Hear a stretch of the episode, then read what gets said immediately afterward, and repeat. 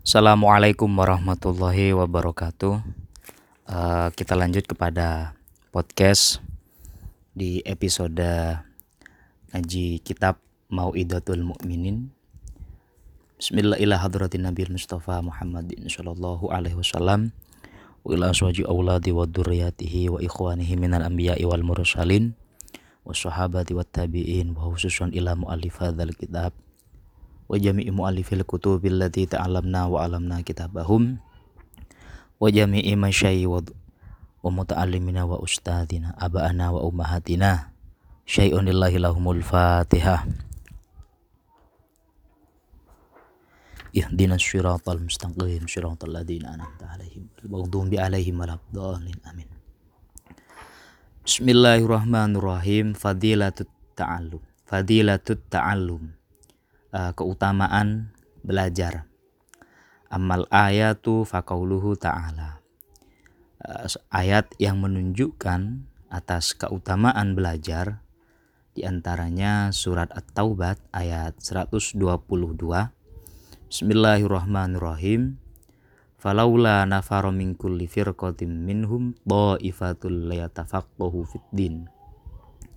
Falaula nafaro mingkulli firkotin seyogyanya dari setiap uh, klan atau dari setiap golongan minhum dari orang mukmin ada ifatun ada sekelompok orang yang liyatafakkahu pergi untuk belajar fiddini di dalam masalah agama. Kemudian ada ayat lain yang berbunyi fas'alu ahla dzikri in kuntum la ta'lamun. Surat An-Nahl ayat 43 fas'alu maka bertanyalah kalian semua ahla dzikri kepada orang yang uh, mengerti di sini kitab saya dimaknai uh, mengerti? In kuntum kalau memang Anda semua kalian semua la ta'lamun. Uh, tidak faham Wa amal akhbaru ada beberapa hadis yang juga mengulas terkait keutamaan belajar. Di antaranya kauluhu fir, uh, sabda Nabi man salaka torikon man man salaka barang siapa yang menempuh torikon perjalanan yatlubu fihi ilman guna mencari pengetahuan atau ilmu salakallahu maka Allah bihi torikon akan memudahkan perjalanannya atau Allah akan arahkan perjalanannya ilal jannati pada surga. Nah, kemudian Nabi juga bersabda li antagdu li antagdu seyogyanya kalian berangkat pagi fatata'allamu. Maka kalian akan fatata'allamu baban minal ilmi. Kemudian kalian belajar satu fan satu bab dari sebuah pengetahuan atau ilmu. Nah, hal tersebut khairun lebih bagus min antusolliyah daripada uh, kalian sholat mi'ata rokaatin sebanyak 100 rokaat. Uh, bayangkan Apakah Anda pernah melaksanakan sholat sebanyak 100 rakaat? Kalau di satu kesempatan Nabi juga berkata, ah, ini mungkin hadis populer yang sering disampaikan oleh beberapa dai terkait keutamaan orang belajar. Bahkan hadis ini yang melandasi mm, beberapa justifikasi kewajiban eh, mencari ilmu atau mencari pengetahuan. Bunyi hadisnya, Tolabul ilmi faridatun ala kulli muslim. Eh, mencari ilmu atau mencari sebuah pengetahuan itu hukumnya faridah. Eh, kewajiban ala kulli muslimin terhadap setiap individu muslim.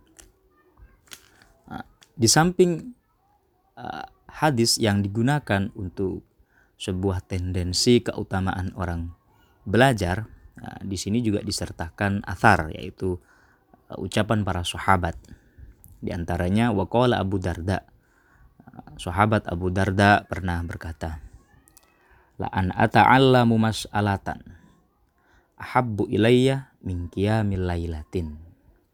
La an ata'allamu mas'alatan. Uh,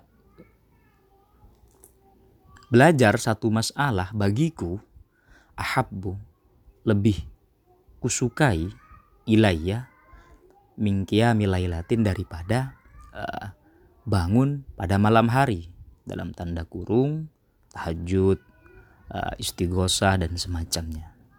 Waqala aidan beliau Abu Darda juga berkata al ilmu al ah, maaf al alim orang yang memiliki pengetahuan atau guru wal muta'alim dan orang yang uh, belajar syarikani adalah uh, dua kongsi fil khairi di dalam kebaikan.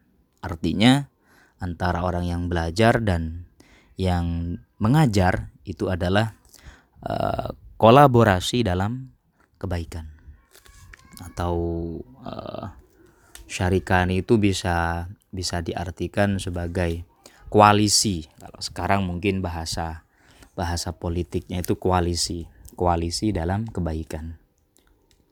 Waqala Syafi'i radhiyallahu anhu. Imam Syafi'i juga memberikan sebuah statement pernyataan tentang keutamaan orang yang belajar. Tolabul ilmi belajar satu ilmu afdolun lebih utama minan nafilati daripada sholat sunnah. Jadi Anda melaksanakan sholat sunnah. Entah itu rawatib, entah itu tahajud, entah itu duha, entah itu sholat sunnah apa pun ya itu tidak menurut Imam Syafi'i tidak sebanding dari orang yang belajar. Karena di awal sudah ditegaskan bahwasanya orang yang hmm, belajar atau orang yang beribadah tanpa didasari dengan ilmu maka apa yang mereka lakukan itu tidak dikategorikan sebagai ibadah sehingga sangat urgen sekali belajar tersebut. Waqala Fathul Musalli rahimahullah. Syekh Fathul Musalli juga memberikan sebuah uh, memberikan sebuah statement. Alaisal maridu idza muni'at ta'amah wasyarabah wad-dawa ayamut Alaisal marid idza muni'at ta'amah Apakah orang yang sakit ketika tidak uh, diberi makanan asupan makanan wasyaraba dan minuman wad-dawa dan obat yamut bukankah mereka akan mati? Menurut Imam Fatul Musalli kolu nah, jemaahnya berkata bala. Nah, ya. Kolah kemudian Imam Fatul Musalli berkata kadalikal qalb. Begitu pula hati idza muni'a anhu al ilmu wal hikmatu salasata ayam yamutu kalau hati itu sudah tiga hari tidak menerima asupan ilmu dan hikmah durasi waktu tiga hari maka hati itu akan mati. Nah, kalau kata guru saya di antara indikasi matinya hati orang tersebut akan sulit untuk menerima kebenaran. Walaupun kebenaran itu sudah bersifat objektif dan ilmiah. Tapi kalau hatinya sudah mati maka itu akan tertolak dengan sendirinya karena hatinya sudah mati. Walakot sodako dan oleh penulis uh, Syekh uh, Qasim Muhammad Jamaluddin Al-Qasimi dikomentari, Walakot sodako apa yang diucapkan oleh Fathul Musalli sudah benar.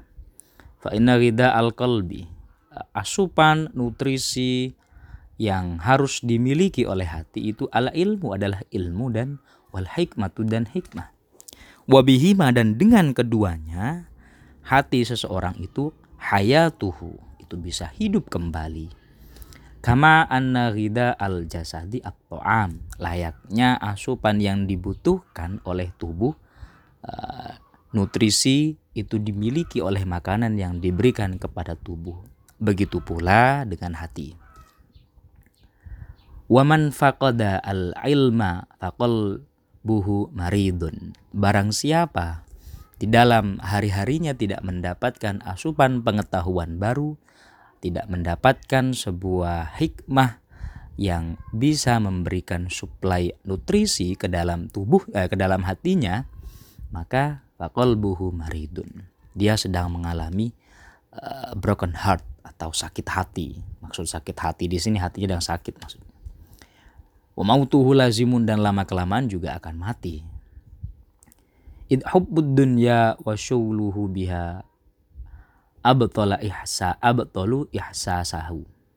Karena hedonisme atau cinta dunia dan sibuk mencari dunia itu bisa merontokkan sedikit demi sedikit terhadap uh, common sense atau sensitivitas dari hati tersebut. Fana'udzubillah maka uh, seyogyanya kita meminta pertolongan dari Allah. Fa innan nasa niyamun.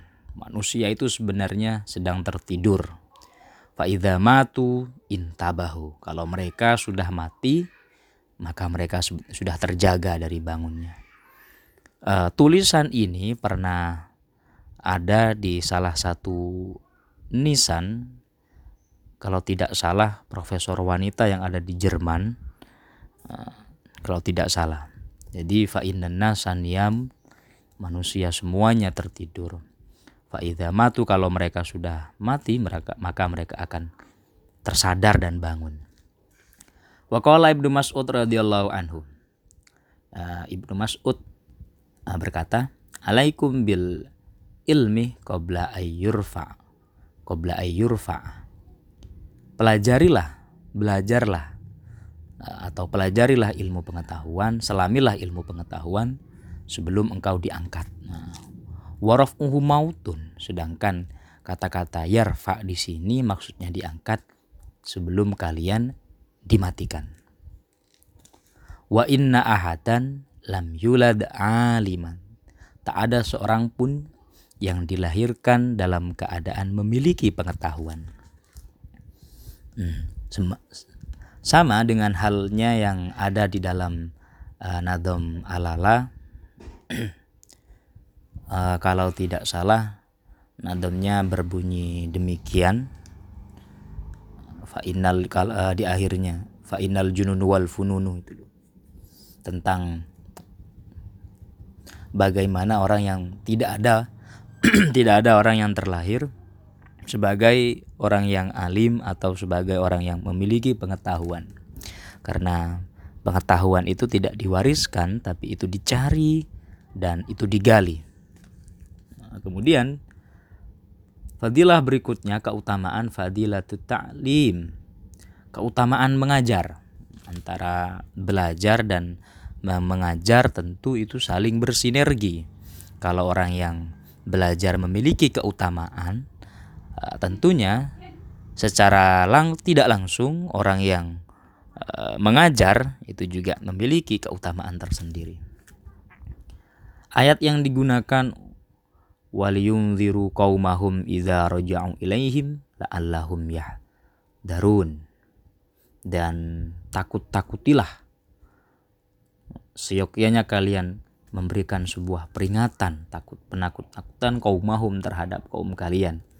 Idza raja'u ketika kalian kembali ilaihim kepada mereka la'allahum yahdarun agar supaya mereka menjauhi hal-hal yang dilarang. Di surat At-Taubat ayat 122. Nah, yang dimaksud indar di sini adalah wal muradu huwa at-ta'lim memberikan sebuah pembelajaran wal irsyad dan tuntunan Wa qauluhu ta'ala dan uh, firman Allah ta'ala Wa idza akhadallahu mitsaqal ladzina utul kitaba la tubayyinunnahu linnas wa la taktumuna. Ketika Allah mengambil uh, sebuah misak janji dari alladzina terhadap orang yang utul kitab diberi sebuah kitab la tubayyinunnahu maka mereka orang yang diberi kitab uh, harus mengingatkan. Nah bayina di sini mengingatkan linnas kepada semua manusia. Wala taktumun jangan sampai pengetahuan yang dimiliki oleh orang yang diberi kitab pengetahuan tentang kitab tersebut di di kitman disimpan wahua nah dasar ini yang mewajibkan ijabu ta'lim, mewajibkan untuk memberikan pengetahuan, menyampaikan informasi dengan sebenar-benarnya dan menyampaikan pengetahuan yang dimiliki oleh orang tersebut.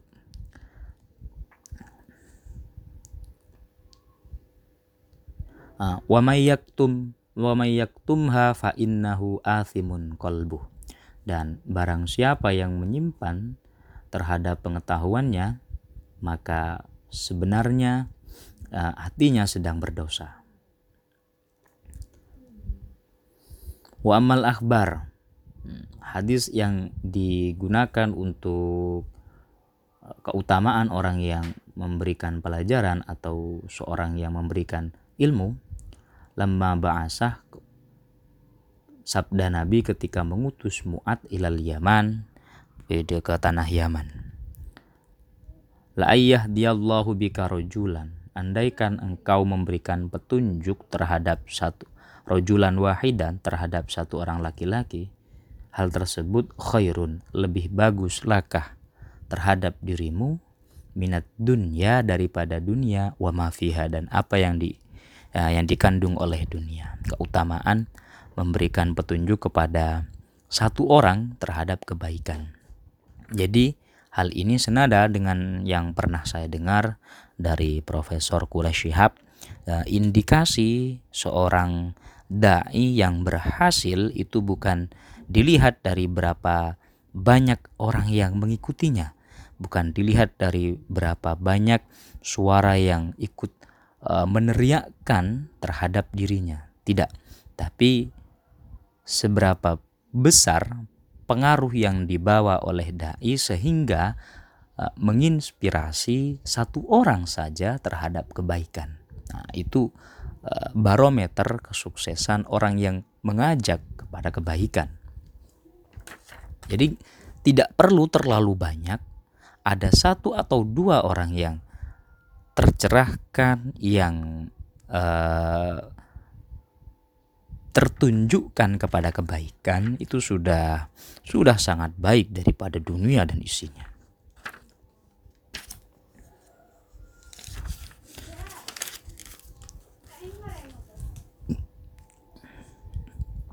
Waqala Nabi sallallahu alaihi wasallam Innallaha subhanahu wa malaikat Innallaha subhanahu wa malaikatahu wa ahla samawatihi wa ardihi Sesungguhnya Allah subhanahu wa ta'ala beserta para malaikat beserta penghuni langit dan bumi hatta enam latah sehingga uh, semut fi juhriha yang berada di lobang-lobang mereka wahattal huta dan uh, ikan yang ada di lautan fil bahri yang ada di lautan layu soluna uh, mereka semua mendoakan rahmat ala muallimin nasi kepada orang yang mengajar atau menunjukkan manusia al khairo terhadap kebaikan. Bayangkan uh, satu kebaikan yang Anda sampaikan kepada orang lain dan diikuti oleh orang yang Anda tunjukkan, maka Allah, para malaikat, uh, serta penghuni langit dan bumi, kemudian semua semut yang ada di lubang mereka, dan semua ikan yang ada di lautan itu mendoakan rahmat takdim kepada Anda. Wakola, nah ini hadis populer yang yang sering digunakan sebagai hadis jariah atau amal jariah. Idza mata ibnu Adam, kalau manusia itu sudah mati, ingkotoa amaluhu, maka amalnya akan terputus. Ilamin salasin, kecuali tiga orang. Eh, kecuali tiga hal. Yang pertama, sodakotin jariah, sodako yang mengalir. Au ilmin yuntafa'u bihi, ilmu yang uh, memberikan manfaat berdampak positif kepada orang lain. Awaladin soliyat ulah atau uh, keturunan anak yang baik yang mendoakan terhadap orang yang mati tersebut. Jadi investasi itu bukan hanya uh, sodakoh saja, tapi ada tiga opsi investasi akhirat. Yang pertama sodakoh jariah, yang kedua ilmu yang bisa diambil manfaatnya, yang ketiga adalah anak soleh yang mendoakan itu termasuk uh, investasi jangka panjang yang tidak akan pernah terputus. Juga hadis yang uh, berbunyi adalu ala khair kafa'ilihi. Orang yang menunjukkan kebaikan itu layaknya orang yang melakukannya. Wa qala Nabi sallallahu alaihi wasallam, rahmatullahi ala khulafai. Semoga Allah merahmati penggantiku. Kila. Kemudian ada sahabat yang bertanya, "Waman khalafauka?" Siapa pengganti Anda wahai Rasul? Kaulah Nabi berkata, "Alladzina yuhyuna sunnati." Orang yang menghidupkan sunnahku wa yu'allimunaha ibadallahi dan orang yang mengajarkan hal tersebut kepada semua hamba Allah.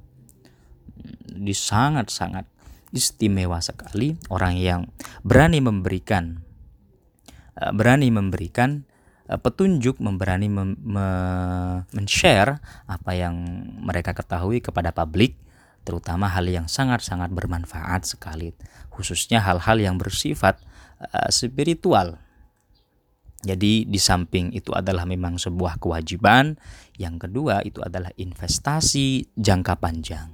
Akan tetapi apa yang harus disampaikan tersebut benar-benar lillahi ta'ala dan berlandaskan keilmuan, memiliki kapasitas keilmuan.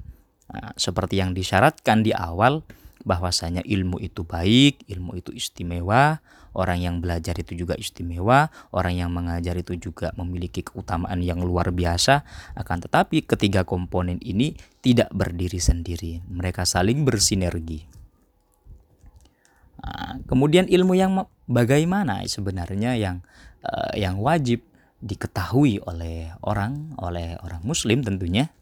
Nah, kalau penjelasan secara panjang lebar di dalam Ihya Ulumuddin Imam Ghazali membaginya menjadi dua. Ada yang namanya ilmu fardu ain, ada yang namanya fardu kifayah. Kewajiban secara individu atau personal, kemudian kewajiban secara kolektif. Nah, akan tetapi di sini di dalam kitab uh, Mau'idatul Mukminin uh, hanya menjelaskan bayanul ilmi alladhi huwa fardu ain. Artinya uh, ilmu yang wajib diketahui secara individual saja. Untuk lebih jelas terkait pembahasan ilmu apa saja yang yang uh, wajib diketahui oleh orang muslim serta klasifikasinya uh, Anda bisa mengikuti pengajian uh, Gus Ulil Absor Abdallah di sana ihya sudah diterangkan secara detail bahkan dengan uh, bahasa ilmiah yang mungkin ya, maksud saya bahasa ilmiah yang jauh lebih lebih enak didengar. Adapun uh, fardu ain ilmu yang wajib diketahui secara secara personal atau individual di sini uh, ma faminhu ma yudriku kabihi at-tauhid. Yang pertama ilmu yang mengenalkan Anda kepada at-tauhid. Artinya mengesahkan Allah wa yu'allimu bihi datullahi ta'ala. Yang bisa mendekatkan Anda untuk lebih mengenal terhadap zatnya Allah Ta'ala wa sifatihi tentunya dengan semua sifat Allah. Nah, termasuk ilmu fardu ain ma tu'rafu bihi ala ibadah ilmu yang mengajarkan tetek bengek semua tentang peribadatan ritual. Di mana uh, ibadah sendiri kalau di dalam ilmu tasawuf atau di dalam ilmu fikih, fikih setahu saya ya, itu dibagi menjadi dua, ada ibadah yang sifatnya mahdoh, ada ibadah yang sifatnya ghair mahdoh. Ibadah mahdoh itu seperti sholat, puasa, zakat yang tidak bisa dirubah, tidak bisa diganti dan dan sudah uh, sudah diikuti saja seperti itu. Itu ibadah mahdoh. Artinya Anda tidak bisa sholat subuh sebanyak 20 rakaat atau Anda mengurangi sujud dalam sholat maghrib atau dalam sholat isya atau Anda berpuasa pada bulan Dzulqa'dah untuk mengganti bulan Ramadan itu tidak bisa karena itu sifatnya ibadatul mahdoh ibadah yang benar-benar sudah uh, memiliki konsekuensi baku yang tidak bisa dinalar lagi dan tidak bisa di e, ditawar. Nah, kalau ibadah ghairu mahdho yang tidak murni itu banyak, misal sodako. Nah, sodako itu Allah Ta'ala hanya mewajibkan hambanya bersodako. Berapa banyak yang bisa ia keluarkan, Allah Ta'ala dan syariatnya itu tidak mengatur. Hmm, dan semacamnya. Juga termasuk uh, ilmu yang sifatnya fardu ain di antaranya ilmu akhlak. Nah, seperti sabar, syukur, sya, uh, sobar, syukur, kemudian as uh, dermawan, husnul khuluq, mem memperhalus budi pekerti, husnul muasyarah, uh, bisa berinteraksi dengan baik, nah, wasodak, was wasodakoh wal ikhlas nah, itu juga termasuk ilmu yang uh, mengatur Eh, dimensi spiritual kita untuk menjadi pribadi yang lebih baik. Nah, ini sifatnya juga fardu ain, artinya setiap individu berkewajiban menjadi pribadi yang lebih baik. Karena sifatnya fardu ain, maka wajib bagi setiap individu muslim yang mukallaf untuk mengetahui ilmu-ilmu semacam ini. Kalau masalah sholat, puasa, zakat, haji itu adalah ibadah mahdoh yang sifatnya teknis, dasar dan semuanya uh, sudah wajib diketahui oleh setiap individu muslim yang mukallaf. Uh, mohon maaf sekian dari saya. Kurang lebihnya mohon maaf. Uh, semoga bermanfaat. Wallahu a'lam bishawab. Assalamualaikum warahmatullahi wabarakatuh.